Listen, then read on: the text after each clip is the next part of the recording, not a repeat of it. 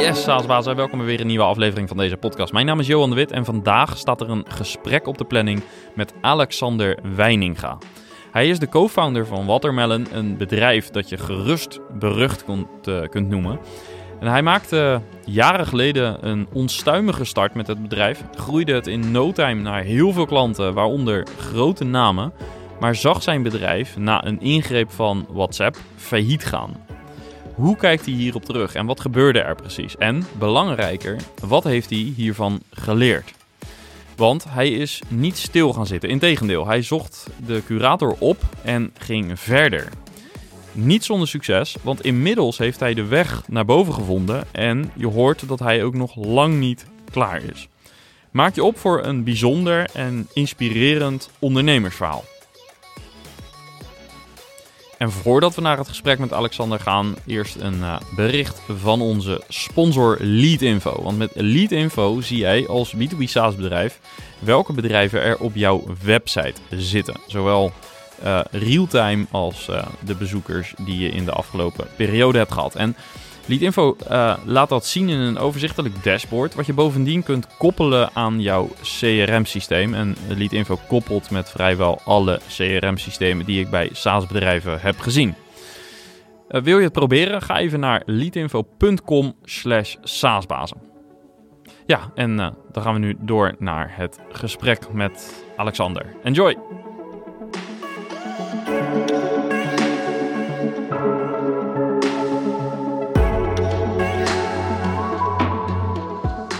Ja, Alexander, van harte welkom in de podcast. Dankjewel. Leuk dat je hier naartoe wilde komen. En we hebben, ja, ik ga het ook gewoon zeggen, we hebben een heel mooi voorgesprek al gehad. Uh, we hebben altijd wel even een inhoudelijk voorgesprek, maar uh, ik kwam er zojuist achter door jouw WhatsApp-foto dat jij een uh, Ironman baas bent naast SaaS-baas. Ja, nou, zo zou ik het nog niet noemen okay. hoor. Ik heb er best wel lang over gedaan en het was mijn eerste, eerste triathlon. En ehm, ik dacht, ik ga gelijk voor een, voor een Ironman, wel een halve overigens. Ja, dat kan. Je kunt niet eens gelijk met een hele beginnen, volgens mij, toch? Nou, ik, als je ervoor traint, kan alles. Nee, maar technisch gezien, volgens ik dacht dat je eerst moet kwalificeren. Is dat niet uh, zo? Nee, volgens mij is dat okay. niet het geval. Nee, okay. volgens mij kon ik me inschrijven voor de hele en de halve. En ik had nog nooit op een wielrenfiets gezeten. Dus ik dacht, uh, dat moet ik wel even gaan oefenen. Dus ik heb zwemles genomen. En rennen, dat, dat lukte wel. Nu moet ik zeggen dat het rennen uiteindelijk het zwaarst was. Omdat ik gewoon helemaal uh, naar de get van was. Ja, dat doe je het laatst. Ja, nou als je zelf ergens, ergens tegenkomt, dan is het wel tijdens een halve Ironman. Ja, want kun je nog even de afstanden benoemen? Want ik doe wel eens een korte. Um, uh, dat is uh, Olympische afstand, zeg maar. Ja. Wat, wat is de afstand van een halve? Twee kilometer zwemmen, 90 kilometer fietsen en daarna uh, een halve marathon. Oh, dus 21 kilometer ja. hardlopen. Ja, ja. wauw. Ja. en dan maak je je druk om de tijd. Dus toch een finishen is toch al fantastisch. Nou, dat was ook wel mijn, uh, mijn insteek hoor. Van ja. joh, ik wil finishen. Maar nu ik erop terugkijk, ik heb er zeven uur over gedaan. Als ik erop terugkijk, denk ik, oei, dat is wel lang. Dus uh, ik heb nu in juni de volgende staan. En die wil ik eigenlijk in, uh, in maximaal zes uur doen. Oké, okay. ja. nou, dat is een mooi punt om naartoe te werken. Ja, toch? Ik vind het leuk om hier straks nog wat meer over te hebben. Maar voordat we zeg maar in, uh, ja, in die details ingaan, is het voor de luisteraar denk ik vooral ook interessant om te horen wat je zakelijke bezigheden zijn. Uiteraard. Um, ja, vertel eens over je bedrijf. Ja, mijn bedrijf, Watermelon. berucht, beroemd. Sommige mensen kennen het, sommige mensen helemaal niet. Maar wij zijn een, een SaaS-bedrijf en wij richten ons voornamelijk op het automatiseren van uh, repetitief werk. Denk bijvoorbeeld aan uh, chatbots voor klantenservice, maar ook automatisering voor lead generatie en, en salesgesprekken.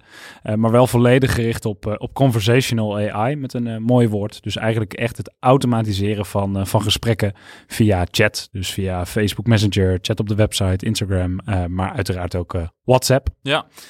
ja, en je, neem, je noemt zelf um, berucht. Het wordt berucht. Uh, ik denk dat het ook wel op zijn plaats is. Uh, want jullie hebben nogal een onstuimige start gemaakt, uh, heel wat jaartjes geleden. Ja, absoluut. Ja. ja, toen wij ooit begonnen, dat is, um, ja, ik vind het altijd een heel leuk verhaal. Maar toen wij begonnen, toen, toen, toen wist ik helemaal niets van, van techniek. het idee was destijds om een dashboard te maken voor, uh, voor WhatsAppjes. Waar WhatsAppjes binnen zouden komen. Ik had een, uh, samen met een van mijn uh, compagnons, had ik een social media bureau. En op een gegeven moment kregen we ook de vraag van, joh, wat doen jullie nou met WhatsApp? En, uh, en toen dachten we, ja, daar doen we eigenlijk helemaal niks mee. Uh, bedrijven konden hun Facebook, LinkedIn, Twitter allemaal uitbesteden, maar niets met WhatsApp. En toen, toen zijn, we, ja, zijn we een beetje na gaan denken van, joh, hoe kunnen we dat doen? En we hebben wat telefoontjes aangeschaft en uh, wat simkaarten. En toen zijn we ermee begonnen. Gewoon op uh, houtje touwtje manier.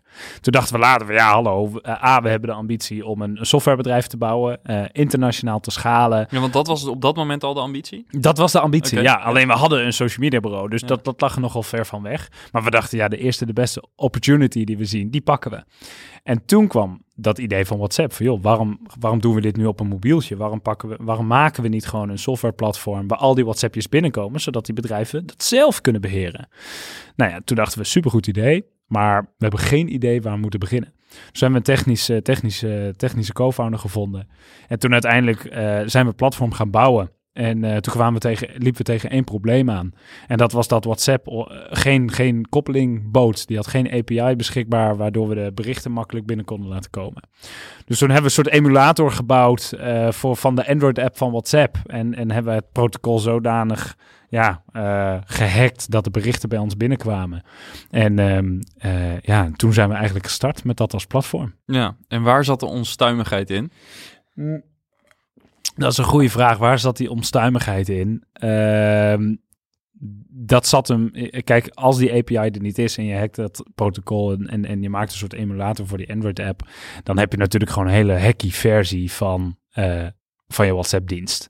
En uh, we waren daar wel altijd transparant over. Ja, ehm, klanten. ja, en we hadden, we hadden in, in, in, het bedrijf heeft negen maanden bestaan, maar we hadden in zes maanden tijd meer dan duizend klanten. Armada Music, Belastingdienst, Heineken, uh, partijen uit de Tweede Kamer. Het was echt een gekhuis. We hebben tegen iedereen altijd gezegd, joh, dit is wel een hekje manier, hou daar rekening mee. En op een gegeven moment ja, kregen we een zodanige schaalgrootte dat um, op een gegeven moment wel uh, op begonnen te vallen. Um, dus toen, toen op een gegeven moment toen, toen eh, ging het echt voor de wind. Uh, klant na klant. Dagelijks kwamen er gewoon meer, meerdere klanten binnen. Maar op een gegeven moment, toen, toen kreeg WhatsApp dat wel in de gaten. En die was toen heel zoekende naar een businessmodel. Was nog steeds een app gekocht door Facebook destijds, 19 miljard. Geen businessmodel, verdienen geen geld. En dan heb je een stel knuppels van 20 uit Utrecht, die wel geld met hun dienst kunnen verdienen. dus toen kregen we in eerste instantie een, een brief op de mat van WhatsApp, althans van Facebook natuurlijk. Uh, ja, maar erin toch wel de vraag van, joh, stop met jullie dienstverlening. Uh, we willen al jullie data hebben. En als je dat niet doet, blokkeren we ook uh, jullie WhatsApp, Facebook, Instagram profielen. Um, ja, en dan ga je toch wel nadenken van, oké, shit, het gaat enorm voor de wind. En we hebben echt een mooie business te pakken. Um, maar ja, het is zo'n mooie business, omdat het dus eigenlijk niet mogelijk is. En dan krijg je zo'n brief. Wat deed dat met jou persoonlijk? Uh, hoe voelde dat om in die fase te zitten van uh, enorme groei, grote namen, uh, succes, mensen in je team, noem het allemaal op, veel positieve energie. En aan de andere kant het weten dat het hekkie is en dat het kan omvallen. Ja, goede vraag. Um, um, is niet een eenduidig antwoord. Want uh, ik was toen sowieso echt heel jong. Ik was hoe, hoe 20, 19 en 20. Uh, dus, dus ja, ik had net een paar jaar ervaring als ondernemer. Ik ben op mijn 17e begonnen. En en ja, dan ga je heel lekker op al die, die, die, die positieve vibes. Maar ook gewoon op hè, de media, die had het best wel opgepikt. Daar ging ik heel goed op. Kreeg ik heel veel energie van. Uh, en dat het een hekke manier was. Ja, we hadden met z'n drieën hebben wel een gesprek gevoerd. Hè? Dus de technische man en mijn co-founder en ik. Um, van joh, we lopen wel een risico met deze business. Um, zijn we bereid om dat risico te nemen? Um, dat hebben we eigenlijk ja, dat gesprek hebben we gevoerd. Ik weet dat echt nog als de dag van gisteren. Er was pizza, was wel een lollige avond. En op een gegeven moment kwam het toch op dit serieuze onderwerp.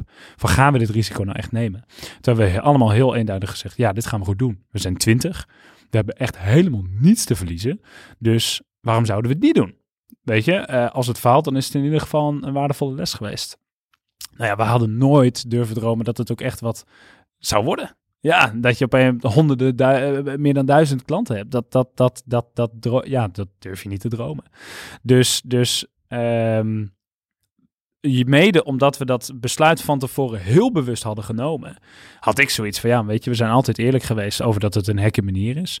Um, en, en ja, dat, daar, ik, dus dat deed me helemaal niets. En uiteindelijk, um, toen we die brief kregen, toen, toen uh, werd de technische man, die had wel zoiets van, oké, dit, dit gaat voor mij te ver. Die is toen uitgestapt.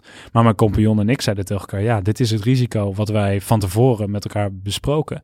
En we weten nu dat WhatsApp weet dat wat wij doen. ehm, dat is het enige verschil. Want voorheen deden we het hetzelfde, alleen toen wist WhatsApp het niet. En nu weten we dat zij het wel weten.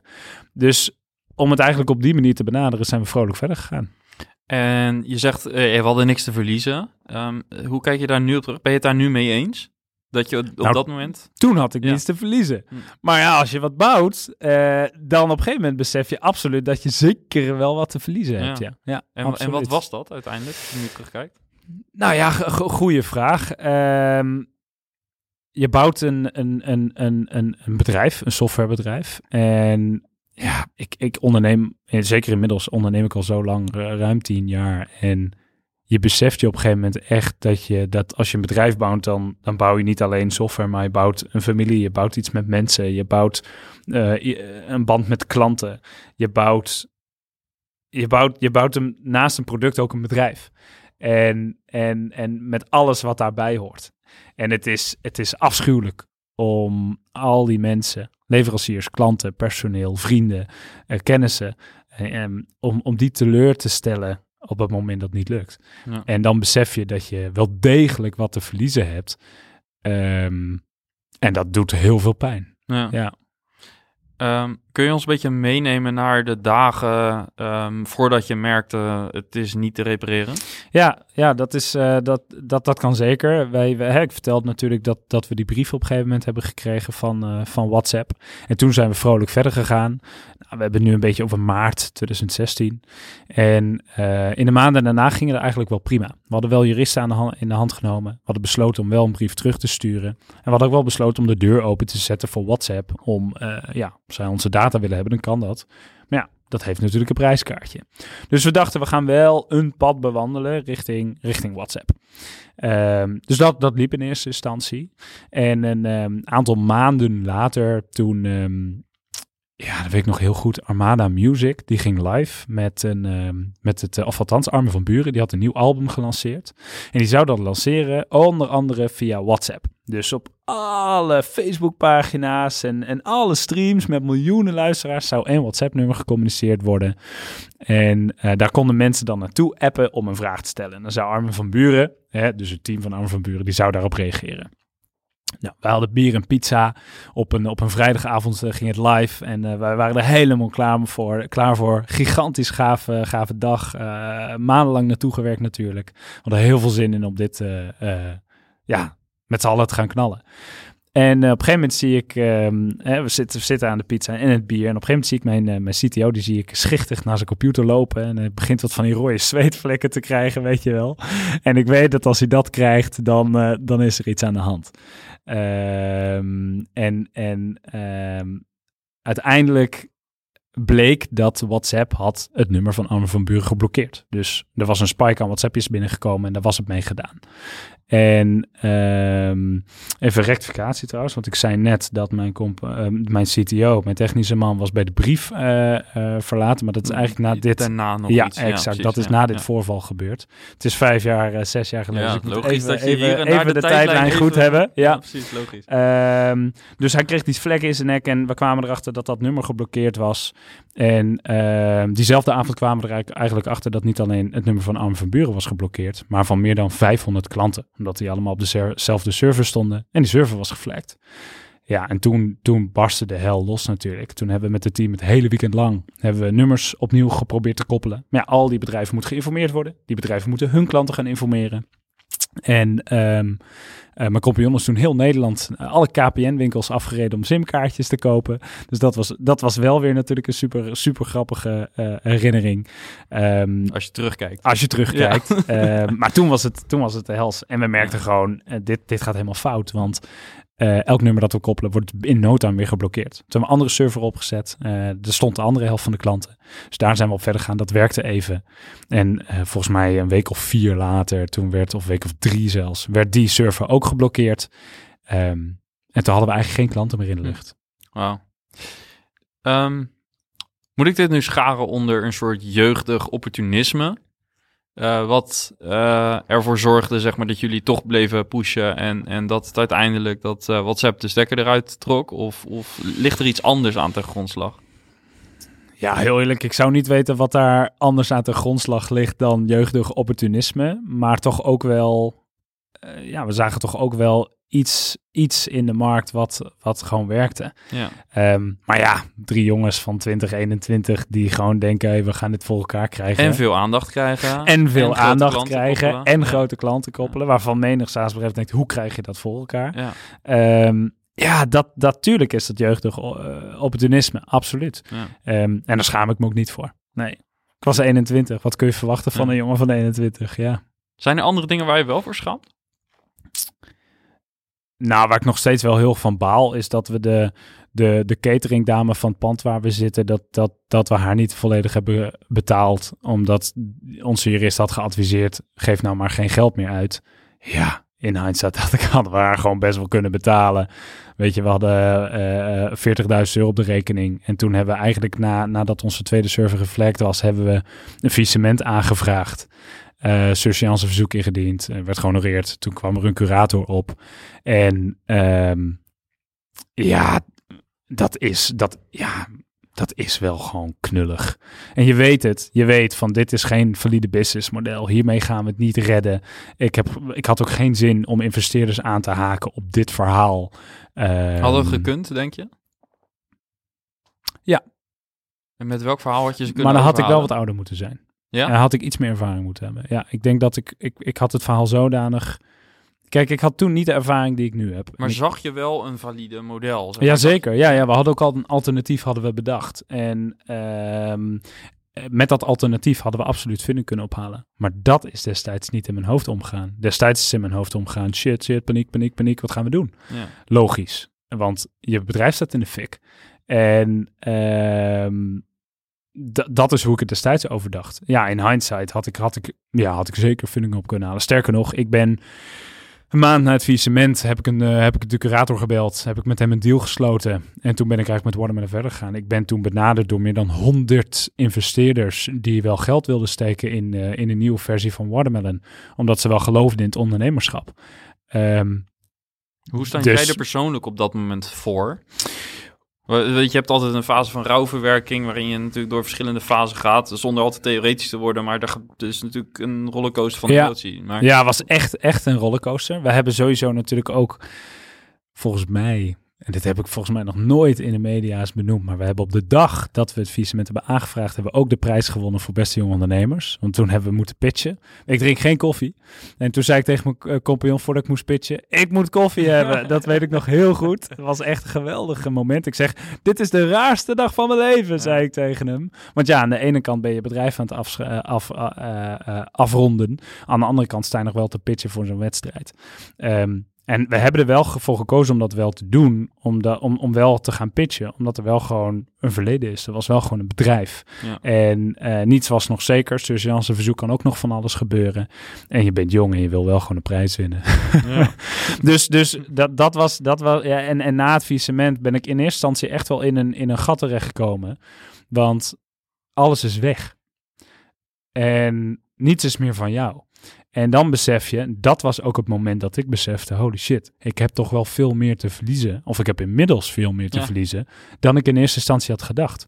Want je hebt je team en je hebt je klanten en je hebt je leveranciers en je hebt je, je, je, je, je, je vrienden, kennissen die hier ook bij betrokken zijn.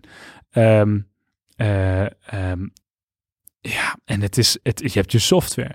Het is bizar dat dat op een gegeven moment niet meer van jou is en allemaal van de curator. Vond ik zo bizar. Alles waar je kei en keihard voor gewerkt had, is gewoon weg. Is, is gone.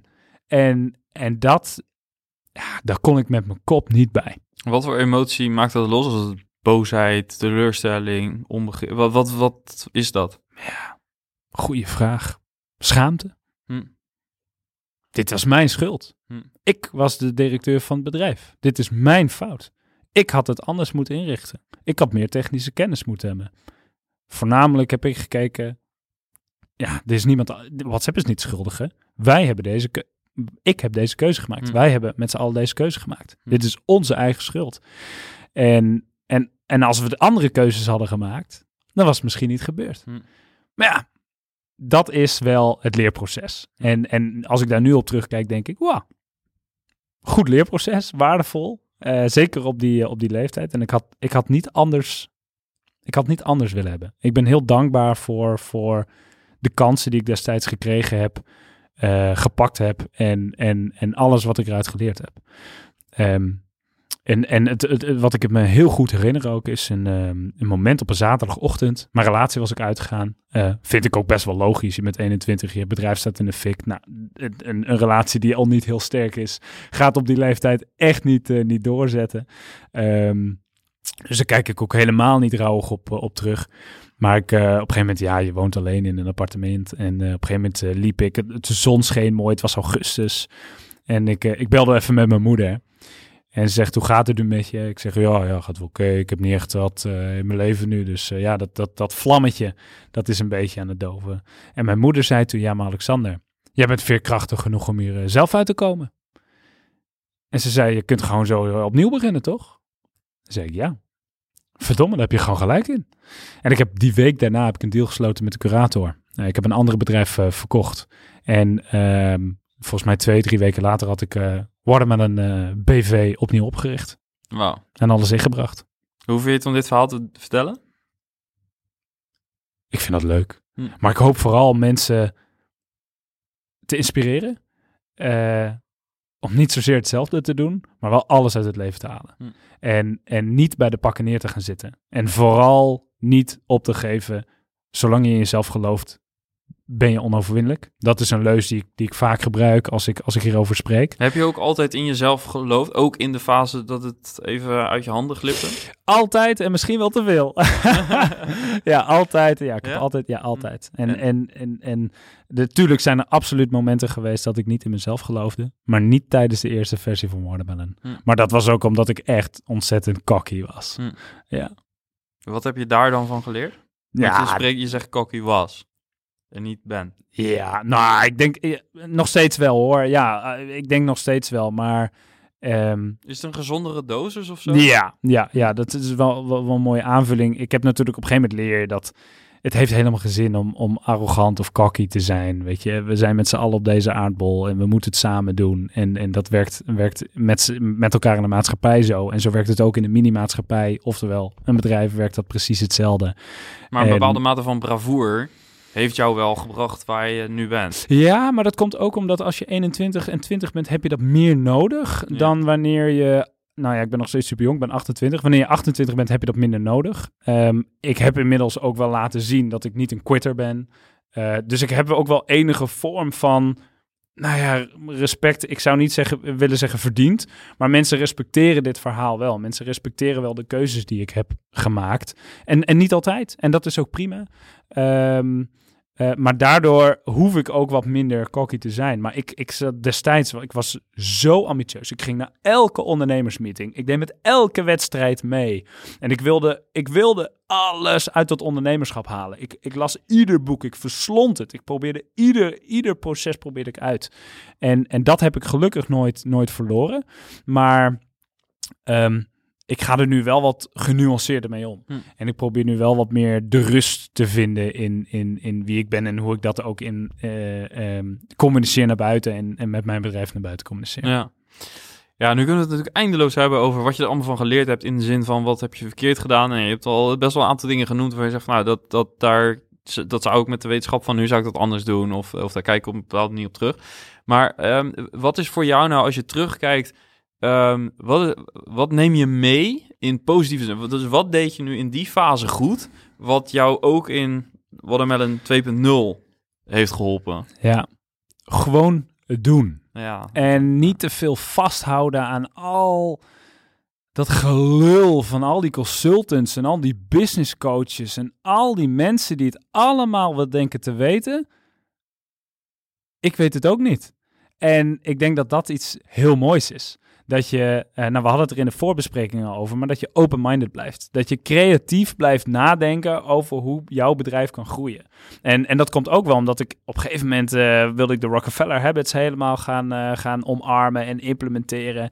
Maar ook dat hoeft niet te werken voor jouw bedrijf. Het is jouw bedrijf omdat dat...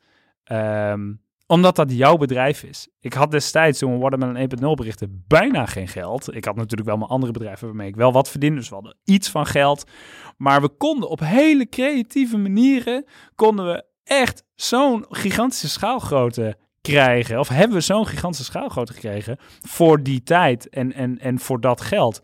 Ja, dat is me daarna nooit meer gelukt. En waarom? Omdat ik best wel, nou ja, we hadden best wel een flinke investering opgehaald, dus ik had genoeg geld.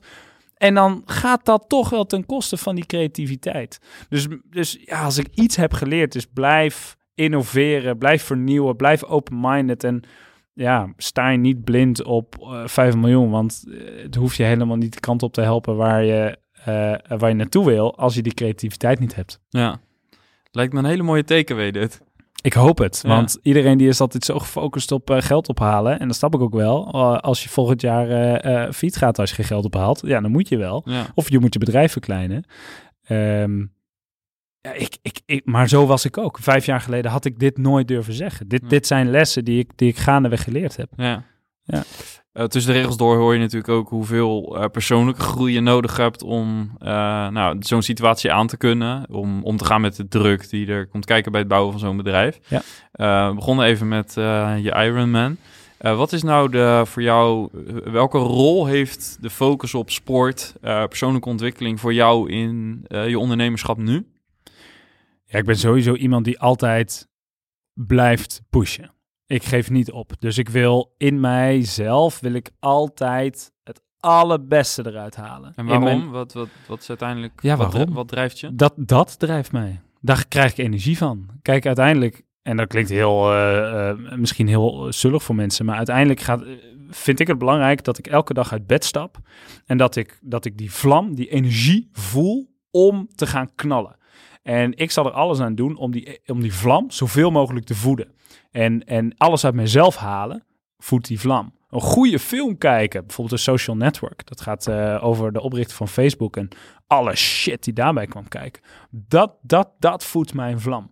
Uh, The Founder, ook een leuke film. Dat voedt mijn, mijn energie. Um, uh, ik, sta, ik vertel het je al, ik sta elke dag om vijf uur op om dan gelijk te sporten. Waarom? Je, je begint die dag met een knal. Je bent, staat gelijk aan, je kunt gelijk knallen. Dat is wat die vlam voedt. En ik ben al, al jaren op zoek naar wat voedt die vlam nou. En ik weet heel goed wat die vlam niet voedt. En ik weet gelukkig ook heel goed wat die vlam wel voedt. En dat zal een eeuwigdurend proces blijven, want dat verandert ook. Je mijn prioriteiten veranderen, je wordt ouder, je, je, alles verandert om je heen, je bedrijf verandert.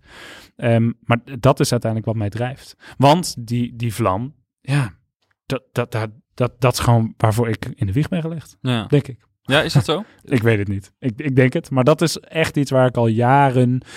Um, waar ik heel goed op ga, waar ik heel lekker op ga.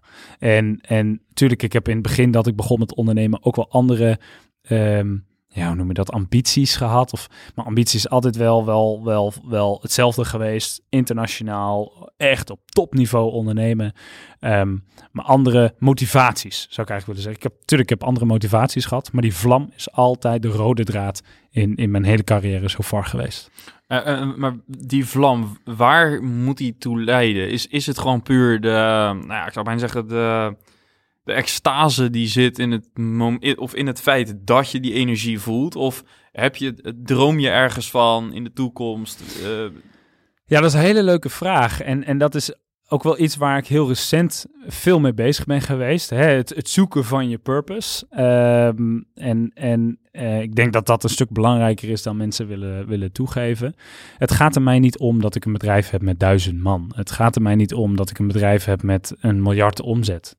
Zou geweldig zijn. Het gaat er mij niet om dat ik bepaalde groeicijfers haal. Nee, het gaat er mij om dat ik een mooi bedrijf heb. Uh, waar ik die vlam aan overhoud. Waar ik uh, de energie van krijg om gewoon elke dag wat moois te doen. Uiteindelijk, je leeft maar één keer. Haal er alles uit wat erin zit. En dat probeer ik op ondernemersvlak te doen. Op sportvlak probeer ik dat te doen. En uh, als ik later groot ben, dan hoop ik ook wat meer te kunnen reizen. Dan wil ik ook daar alles eruit halen wat erin zit. Want het, is te, het leven is te kort om, om het maar aan je voorbij te laten gaan en van weekend tot weekend te leven. Dat wil ik absoluut niet. Ik heb ja, ook... is, is dat het dan niet? Een bepaalde angst om er iets niet uit te halen? Nou, ik denk... Nou, ik, angst klinkt negatief Ik wou net zeggen, ja. Maar dat, dat, dat vind ik niet per se negatief. Maar dat je gewoon, als je, als je nou, als we dan toch dramatisch zijn... Stephen Covey zegt toch ook, hè, als je aan het eind van je leven terugkijkt... Uh, wat wil je dat... Nou, waar wil je op terugkijken? Um, is, dat het ook? Ja, dat, tuurlijk. dat, je, dat ja. je op dat moment trots wilt zijn op, op wat je hebt Ja, kunnen doen en meemaken. Absoluut. Ja, ja. En, en, en, en eh, ik ben een enorme fan van, ehm, eh, van Robin Sharma. Hij heeft de 5am Club ook, eh, ook geschreven. En hij zegt heel stellig, doe alsof elke dag je laatste dag is. Ehm, en waarom? Omdat je dan echt doet waar je gelukkig van wordt en waar, wat jij denkt dat goed is. En sinds ik dat doe en zo ben gaan leven, merk ik dat mijn familie veel meer aandacht heeft gekregen. Hm. Dat, mijn, dat, dat de relatie met mijn partner zoveel dieper, dat we zo'n diepere connectie hebben dan dat dat voorheen was. En dat ik andere dingen belangrijk ben gaan vinden dan alleen maar groeien, groeien, groeien en eh, oh, we moeten zoveel geld verdienen.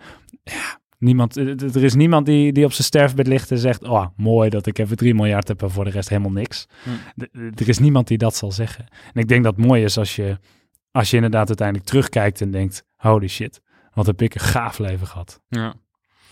En nu, als je, als je op deze manier in het leven staat en ook eh, zo blijft pushen, eh, dan is het natuurlijk fijn als je eh, ook in een omgeving zit waarin dat kan, waarin dat gestimuleerd wordt, samen, of dat dan met je partner of met vrienden is, noem maar op. Ma- naarmate je organisatie groeit, zie ik ook vaak dat in, eh, je kunt tot een bepaalde hoogte kun je ook in je hiring eh, strategie kun je natuurlijk zorgen dat mensen die je aanneemt, dat die ook in dat profiel zitten en dat die ook die energie hebben. Maar je ziet natuurlijk ook dat niet 100% van de mensen in je team zal met deze intensiteit leven. Hoe ga je daarmee om? Hoe, hoe is dat voor jou? Ja, nou, er is bijna niemand die met deze intensiteit leeft. En er eh, gelukkig, mijn partner eh, leeft in een soortgelijke intensiteit. Ehm, mijn compagnon die leeft, maar ja, is ook natuurlijk niet hetzelfde, maar, maar soortgelijk. En ik heb me erbij neergelegd dat, ja, ehm, eh, mijn personeel, ik, ik kan niet van hun vragen in diezelfde intensiteit te lezen. Wat ik wel leuk vind, ik heb vorig jaar toevallig mijn hele sales team kunnen inspireren om ook om vijf uur op te staan en te gaan sporten. Ja, toen kwamen ze toch een stuk energieker naar, Ja, naar werk. ja. Dus dat had, had voor hun een voordeel, maar dat had voor mij natuurlijk ook een voordeel. Maar nee, ik ga niet van hun verwachten in diezelfde intensiteit te leven. Wat verwacht je wel van al je mensen? Ja, dat ze, dat ze eerlijk zijn. En waarom? Omdat je daar uite- uiteindelijk het meest aan hebt. Ehm, zij zitten in de business. Eh, ik sta er soms wel eens, eh, wel eens een beetje buiten. Zij spreken met de klanten. Ik probeer dat ook veel te doen. Maar ja, je krijgt dan niet altijd de shit te horen zoals je die zou, eh, te horen zou moeten krijgen. Ehm, ik wil dat ze eerlijk zijn over mijn gedrag. Ja, ik kan echt een enorm botte klootzak zijn. En als ik dat ben, dan zou ik heel graag willen horen dat, dat, dat, dat, dat ik dat ben geweest. En dan wil ik heel graag die feedback krijgen. Eh, want op basis daarvan kan ik me verbeteren en wordt de organisatie dus ook gewoon een betere organisatie. Dus ik geloof heel erg in die eerlijkheid, in die openheid, eh, ook wel in die directheid. En dat, dat, dat is wel heel moeilijk te vinden. Ehm, niet alleen in Nederland, maar vooral ook daarbuiten. Ehm, ehm, dus tot op zekere hoogte kun je dat verwachten. En ik probeer dat altijd zoveel mogelijk wel ja, open Want- te breken. Want, want hoe doe je dat? Zeg maar? Hoe zorg je ervoor dat je, eh, hoe zorg jij ervoor dat het gedrag eh, binnen jouw organisatie afgestemd is op jouw waarden? Want eigenlijk hebben we het over waarden. Ja. Het gaat om eerlijkheid en Ja. grit. En... Ja, exact. Nou ja, dat, dat is dus wel iets heel moois wat we met de Rockefeller Habits eh, eh, proberen te doen. Dus we hebben natuurlijk de values, we hebben een, een soort culture handbook. Ik vind ook het culture handbook van Netflix bijvoorbeeld super inspirerend, hoe zij dat hebben gedaan. Ehm, maar ik denk dat wij nog wat te klein zijn om echt een, een hele specifieke cultuur neer te zetten. Ik denk dat we nu nog gewoon een clubje mensen zijn die een mooi product en een mooi bedrijf willen bouwen. En ik denk dat dat is hetgeen wat op, ons op dit moment herenigt. En dat vind ik ook heel mooi aan, aan de fase waar we op dit moment in zitten. En, en, en niet al dat politieke gelul eromheen. Ehm, ik, ik weet ook niet, ja, misschien is als je uiteindelijk groeit, dan, dan zal je daar ook mee moeten dealen. En dan kom je ook weer in een andere fase terecht. Ja. En wat zou dat voor jouw persoonlijke rol betekenen? Als je nu iets als politiek gelul bestempelt, dan zul je daar niet heel gelukkig van worden als, als CEO bijvoorbeeld. Nee, maar ik zou het wel weer heel leuk vinden. Want ik heb heel lang ook eh, tweeledig antwoord. Ik heb heel lang gezegd: ja, als dat gebeurt, ga ik weg. Maar zo stellig sta ik er niet meer in. En dat is ook omdat ik het mooi vind om dit bedrijf echt groot te maken. Ja, en ik kan me ook voorstellen, je gaf, eh, ik twijfel nu even of het in het voorgesprek was of tijdens dit gesprek. Eh, maar je gaf ook aan, ik vind het fantastisch. Enerzijds lastig soms, eh, uitdagend, maar vooral ook interessant en leuk om mezelf steeds opnieuw uit te vinden, mijn bedrijf, maar ook mijn persoon. Ja. In dat kader zou het bijna gek zijn als je zegt van nou, maar als we dat punt bereiken, dan haak ik om welke reden dan ook af. Ik wil, Ja. ook, ik wil zorgen dat ik de persoon ga worden die ook die groei weer aan kan. Dat Zo- zou ik een logisch Sp antwoord het vinden. spijker op zijn kop, dat is, dat is eigenlijk wat ik inderdaad eh, eh, wilde zeggen. Maar goed, ik heb geen glazen bol. Dus ik heb ook zoiets van, joh, ik laat het over me heen komen. Op het moment dat ik in een fase zit met het bedrijf waarvan ik denk, oeh, dit is niks meer voor mij. Dan kan ik ervoor kiezen om mezelf her, opnieuw uit te vinden en, en te kijken of het wel, of het wel gaat lukken. Ehm, en als dat niet lukt, dan is het ook prima. Ja. En dan vind ik wel weer iets anders. En, Ja. en, en bijvoorbeeld Elon Musk is nog steeds de CEO van Tesla. Terwijl dat is inmiddels ook een gigantisch bedrijf. En hij doet een hobbyproject, eh, Twitter doet hij er natuurlijk leuk bij. Ja. Ja, ik vind dat in a way vind ik dat, vind ik dat heel inspirerend. En, en vindt hij zichzelf dus op die manier ook continu uit- opnieuw uit. Dus je zult wel moeten, want je kunt niet dezelfde persoon blijven in elk fase waar dat, elke fase waar dat bedrijf doorheen gaat. Dus nogmaals, ik heb geen glazen bol en ik, ik sta er gewoon heel open-minded in. Laat, laten we gewoon met z'n allen kijken waar, het, waar, waar, waar we gewoon gaan komen. Ja. Wat zou je vooral moeten ontwikkelen om de volgende fase van je bedrijf weer te kunnen aan, aan te kunnen als leider? People skills. En noem eens wat. Ehm, ik mag wel wat meer geduld hebben. Ik mag wat meer geduld hebben. Ehm, en ik moet ook accepteren dat mensen, eh, en dat, dat is niet alleen eh, zakelijk zo, maar ook wel privé, dat, dat, dat mensen niet zo, ja, jagen, zo, niet zo'n jager zijn als dat ik dat ben. En, Mm. dat, dat, en, en daar heb ik bijvoorbeeld met vriendschappen, vind ik dat altijd wel, wel complex. Dat, ja, ik heb gewoon een zieke ambitie, ik heb een zieke drive. En, en ik wil me eigenlijk alleen maar het liefst omringen met mensen die het ook hebben. En dat is, dat, dat is gewoon heel moeilijk. En ik moet echt gaan accepteren dat mensen anders zijn en dat dat, dat dat helemaal prima is. En daar ben ik al heel wat stappen verder mee dan dat ik was. Moet je het of wil je dat? Nee, het is echt noodzakelijk. Hm. Ja. Liefst Ja. zou je eigenlijk gewoon je omgeving veranderen. dat is, ik zie het ook met een lach zeggen. Het liefst zou ik mijn omgeving veranderen. Ja, ik, weet, ik denk niet dat dat gezond is. Ik denk niet. Onmogelijk. Oké. Onmogelijk. Oké. Oké. Ehm, mijn laatste vraag. Eh, is er een bepaalde eh, angst die je hebt ontwikkeld in eh, de afgelopen jaren eh, door nou ja, alles wat je hebt meegemaakt in dit ondernemersavontuur? Is er een bepaalde angst die ik heb, mee, die, die ik heb ontwikkeld? Ja, ja, ik denk het wel. Ehm, dat is wel een goede vraag. Daar, daar moet ik eigenlijk wat langer over nadenken. Want ja, er zijn wel, wel angsten. Ik heb niet de angst om te falen. Ik heb al een keer kaart gefaald en, en, en here we are, denk ik altijd. Ja, weet je, faal ik nog een keer. Ik zou, ik, zou het, ik zou het geen angst noemen, maar ik zou het wel heel vervelend vinden als ik, als ik nog een keer fiets zou gaan. Dat wel. Eh, maar goed, ik heb alle, alle eh, wij zijn winstgevend inmiddels sinds, eh, sinds oktober. Dus ja, dat is niet echt. Maar goed, het kan altijd nog gebeuren, maar ik zou dat niet omschrijven als een angst. Ehm, ik moet zeggen dat ik wel een flinke tik heb gehad van, van, van de media destijds met Watermelon 1.0. En ik ben wel heel ehm, wary, is het Engelse woord, eh, voorzichtig. Dus ik, media kan je echt maken. En dat hebben ze bij ons ook gedaan. Maar ze kunnen je een dag later helemaal kapot maken. En dat hebben ze ook gedaan. En ehm, ik zou dat ook niet omschrijven als een angst. Maar dat zijn wel dingen waardoor ik echt een stuk voorzichtiger eh, omga eh, met de media en de manier waarop wij als bedrijf en ik als persoon naar buiten treed. Eh, dus dus dat, dat zijn wel weer belangrijke lessen. Maar of het, of het echt een angst is, ja, dan zou ik, zou ik ook gewoon eens na willen denken joh, wat is een angst nou precies? En, en daar zou ik echt later, eh, ja, daar kan ik nu geen antwoord op geven. Houden we die te goed van je? Absoluut. Dankjewel. Wilde, eh, wilde jij zelf nog iets delen? Wil ik zelf met, nog met, iets delen? met de luisteraars. Heb je een bepaald, eh, want je bent een lezer bijvoorbeeld, dus een bepaald boek. Of zeg je van nou, eh, we hebben iets nog niet besproken wat ik graag wilde benoemen. Mm, Startup Land van de CEO van Zendesk, Mikkels Veen. Echt geweldig boek over... eh, Zendesk is natuurlijk een, een product wat heel dicht bij ons product ligt. Ik vind het echt prachtig om te zien hoe een stel Denen vanuit een eh, loft in Denemarken, eh, in Kopenhagen, Zendesk hebben gebouwd en uiteindelijk naar Silicon Valley zijn gegaan. Gewoon typisch verhaal van... Het, leest lekker weg, hij heeft het leuk geschreven, super herkenbare situaties. Ehm dat, dat, dat zou absoluut een boek zijn wat ik, wat ik wil aanraden.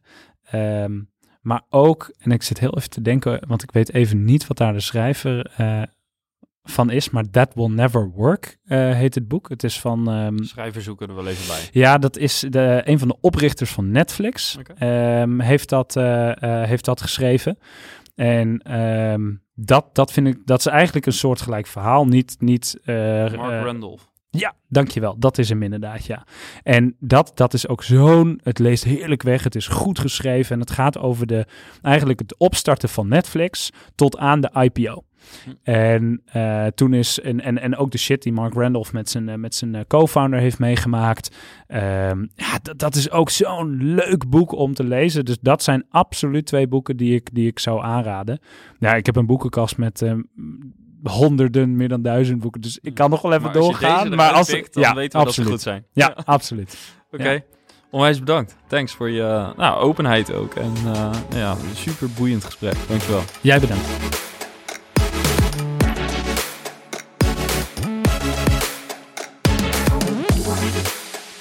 Yes, ja, en dat was een uh, inspirerend verhaal met uh, ja, een, uh, ja, veel bijzondere hoogte- en dieptepunten.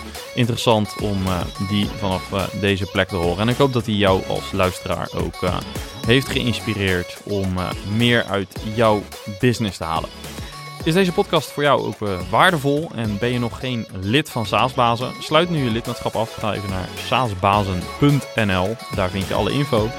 En natuurlijk zien we je ook graag weer volgende week in deze podcast. Thanks voor het luisteren. Ciao!